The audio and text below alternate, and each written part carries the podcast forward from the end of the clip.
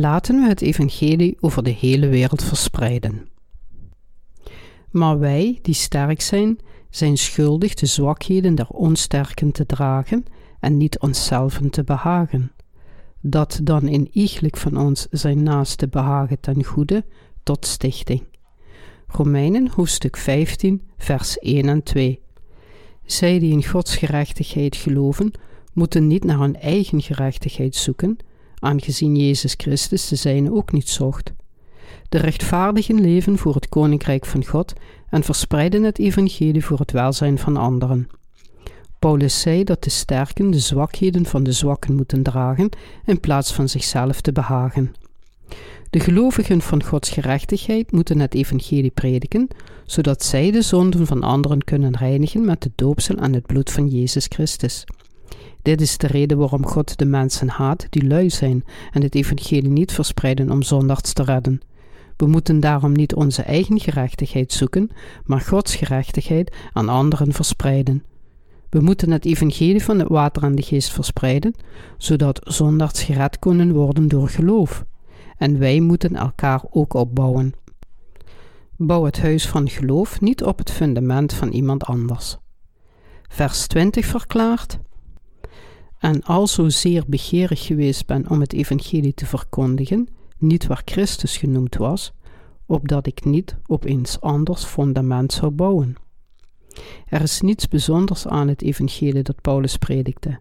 Het is dat hij ernaar streefde om alleen het evangelie van het water en de geest te verspreiden.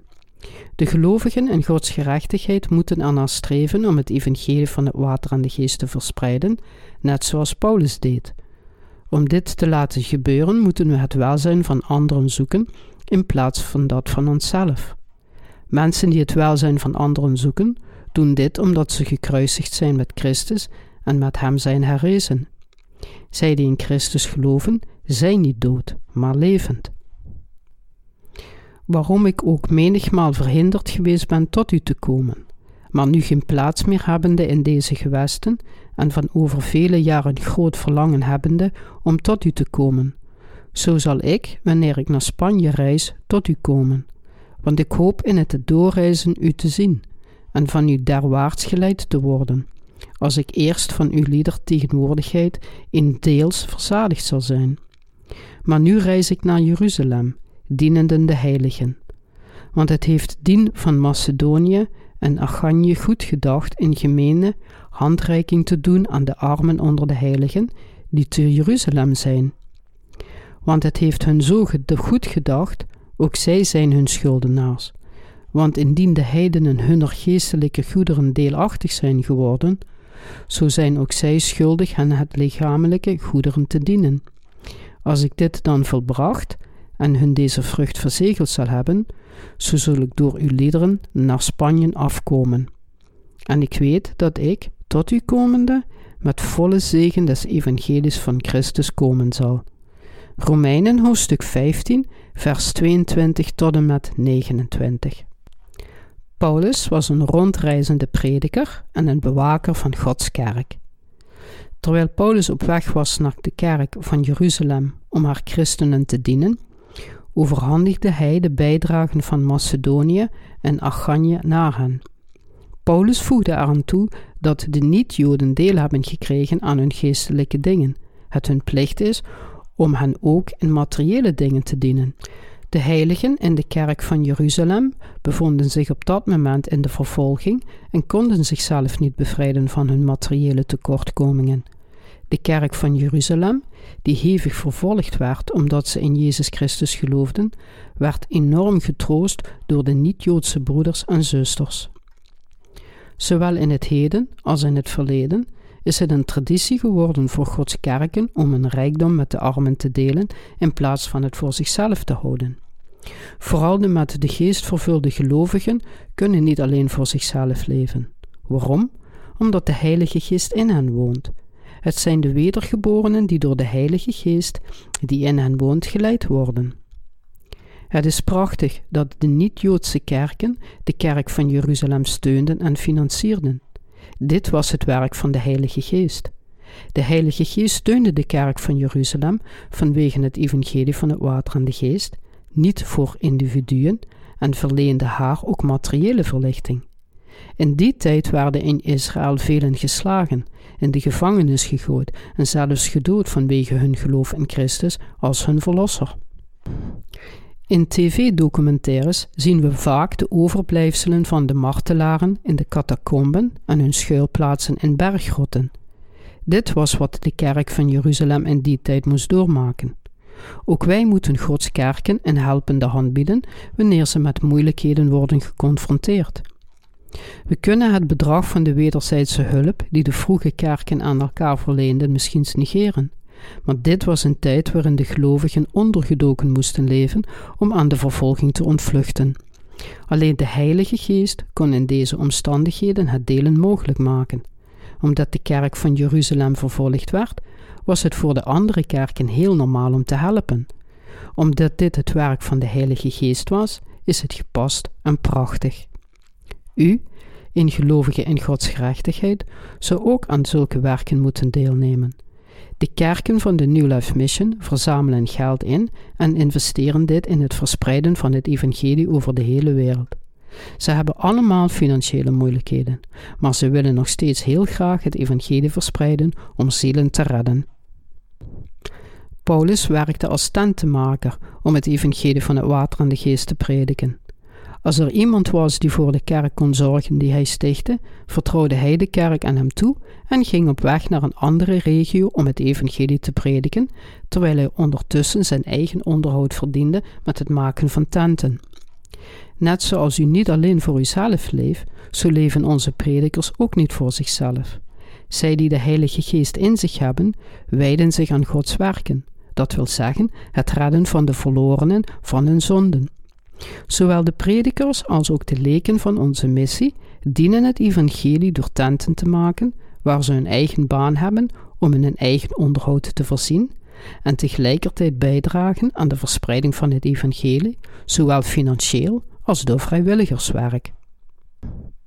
Op deze manier kunnen we veel overeenkomsten vinden tussen het ambt van Paulus en in de huidige kerk van God. We hebben dezelfde overtuiging en leven in leven dat de Heilige Geest behaagt. Waar denken we aan als het ijzige koud is? We denken aan onze medechristenen en dienaren van God en vragen ons af of zij last hebben van de kou. Wij, de wedergeboren christenen, zorgen en letten op elkaar. Alle rechtvaardigen in de Bijbel hadden elkaar nodig en dienden samen Gods gerechtigheid. En dit geloofsleven is het ware leven van de gerechtigen. We hebben met zulke denkwijzen geleefd. Toen we voor het eerst begonnen met prediken van het evangelie van het water en de geest, moesten we helemaal opnieuw beginnen, omdat we niets hadden. We zaten financieel zo krap dat we vaak moeite hadden om een paar honderd dollar bij elkaar te krijgen om de huur en de rekeningen van het kerkgebouw te betalen. Maar we wijden ons nog steeds aan onze literaire dienst in dit land. Toen we met financiële moeilijkheden werden geconfronteerd, was het God die ze voor ons oploste en ons de vruchten van onze missie liet zien. Omdat de Heilige Geest in ons hart woont, brandt ons verlangen om het evangelie te verspreiden in ons hart, ongeacht de moeilijkheden die voor ons liggen.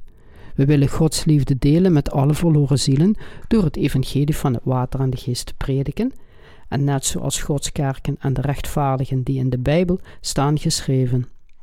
We kunnen zien dat de wedergeboren christenen van de vroege kerk voor elkaar zorgden en dat wij dat ook doen. Dit is niet mogelijk zonder de leiding van de Heilige Geest. De Heilige Geest heeft de gerechtigheid van God over de hele wereld verspreid door de toewijding van de wedergeborenen en zal dat blijven doen. Zelfs als we worden geconfronteerd met het einde der dagen. Mensen zeggen dat we nu in het laatste tijdperk leven, waarin alle moeilijkheden geprofiteerd in de Bijbel zullen worden vervuld. Catastrofen en rampen zullen de hele wereld in de laatste dagen overspoelen. Als gelovigen moeten we standvastig in ons geloof in de gerechtigheid van God staan en het evangelie van het water en de geest ijveriger prediken.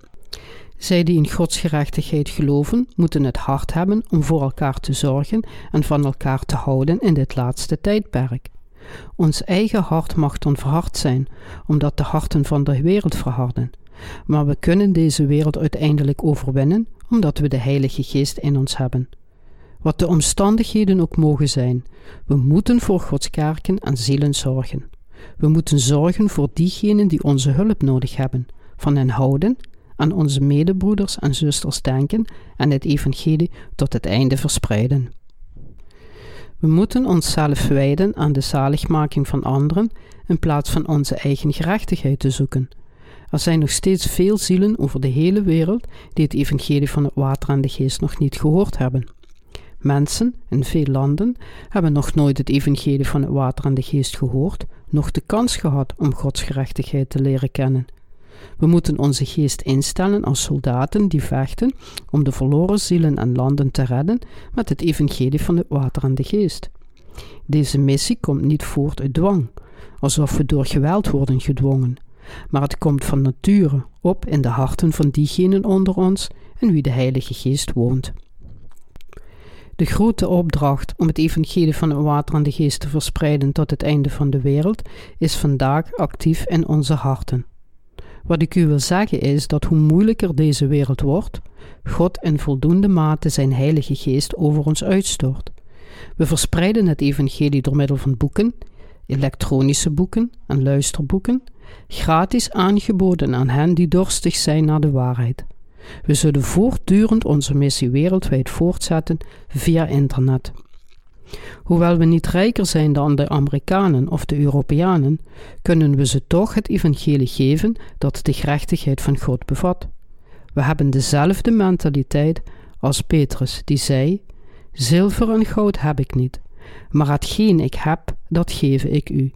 En in de naam van Jezus Christus, de Nazareneer, sta op en wandel. Handelingen, hoofdstuk 3, vers 6. We kunnen hun gratis het evangelie geven dat de gerechtigheid van God heeft vervuld en dat zij niet kenden. Ook al zijn we er niet beter aan toe dan de rest als we het volgens de maatstaven van de wereld meten, we zijn de dienaren van God die het evangelie kunnen geven dat de gerechtigheid van God bevat. Zij die dit evangelie door onze missie zijn tegengekomen en dit evangelie leerden kennen en erin gaan geloven, zullen enorm gezegend worden. Dit is het internettijdperk en daarmee heeft God ons een manier gegeven om de hele wereld te bereiken. We hebben gezien hoe dankbaar en blij mensen zijn als wij ze het evangelie geven dat Gods gerechtigheid heeft vervuld. Hoe somberder de wereld wordt, hoe dankbaarder en krachtiger wij zullen worden, terwijl we het evangelie van Gods gerechtigheid aan de verloren zielen zullen prediken.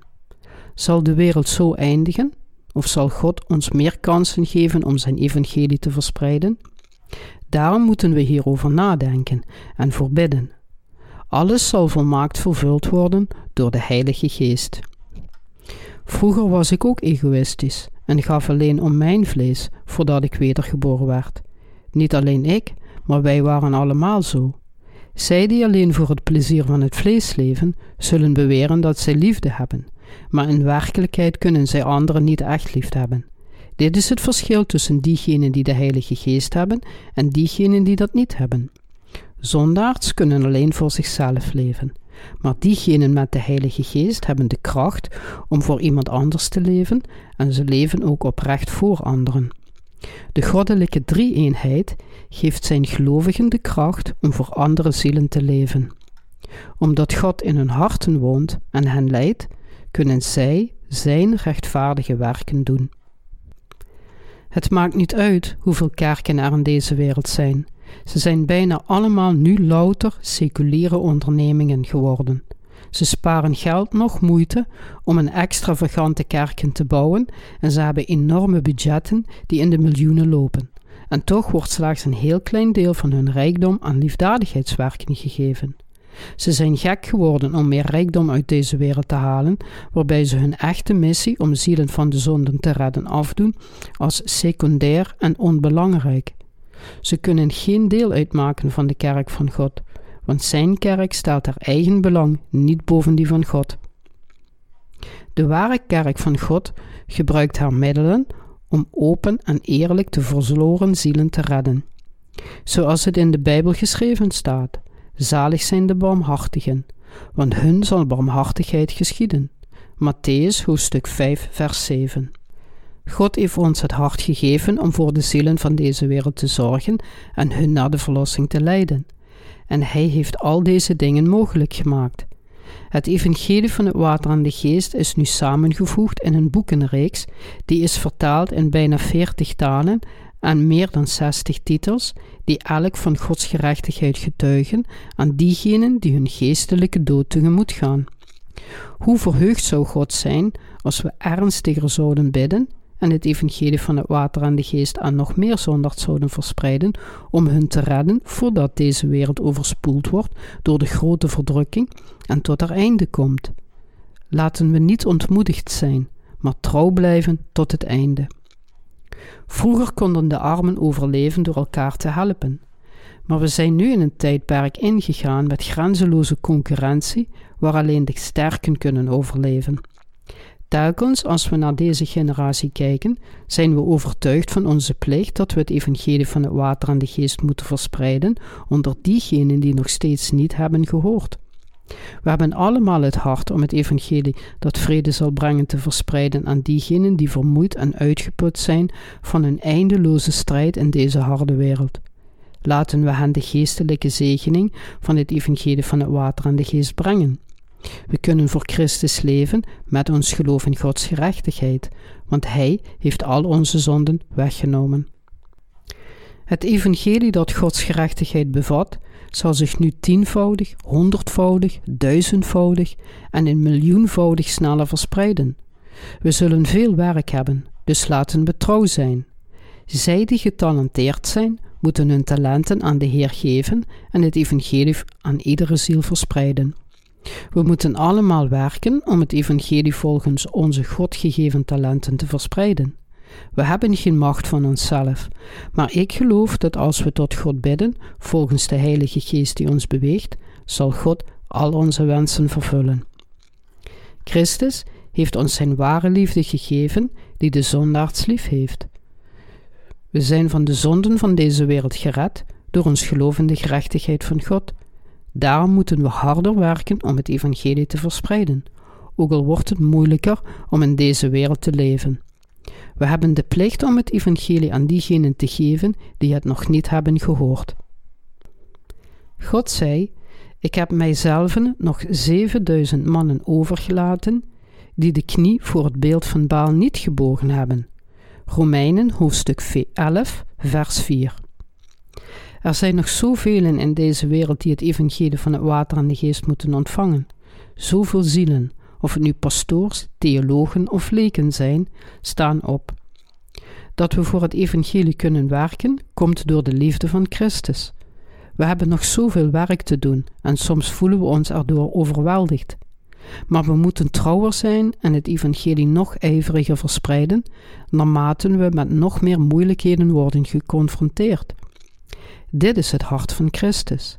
Ik bid dat u, in rechtvaardige, niet alleen aan uzelf denkt. Als u alleen aan uzelf denkt, is er geen behoefte aan geloof of gebeden, omdat u alleen maar over uzelf probeert te leven en niets te maken hebt met de verloren zielen. Maar als u uw loon moet verdienen om uzelf en andere zielen te onderhouden, wat zou er dan gebeuren? U zou tot God bidden om hulp omdat u zwak bent. Dit is hoe ons geloof en onze gebeden groeien. Daarom zegt God: Er is er een die uitstrooit, dan welke nog meer toegedaan wordt, en een die meer inhoudt dan recht is, maar het is tot gebrek. Spreuken, hoofdstuk 11, vers 24. Het delen van het evangelie van het water en de geest met anderen is het meest rechtvaardige leven voor christenen. Een geestelijk leven is een leven dat het ware evangelie dat de mensen van Christus leidt, verspreidt. Laten we voor onze naasten en hun ziel zorgen en het evangelie over de hele wereld verspreiden. Mogen de zegen van Gods gerechtigheid altijd bij u zijn. Halleluja. Laten we onze Heer prijzen. Ik dank Hem dat Hij ons toestaat Zijn rechtvaardige en goede werken te doen, en dat Hij ons heeft verlost van de macht van de duisternis en ons naar het koninkrijk van de Zoon leidt.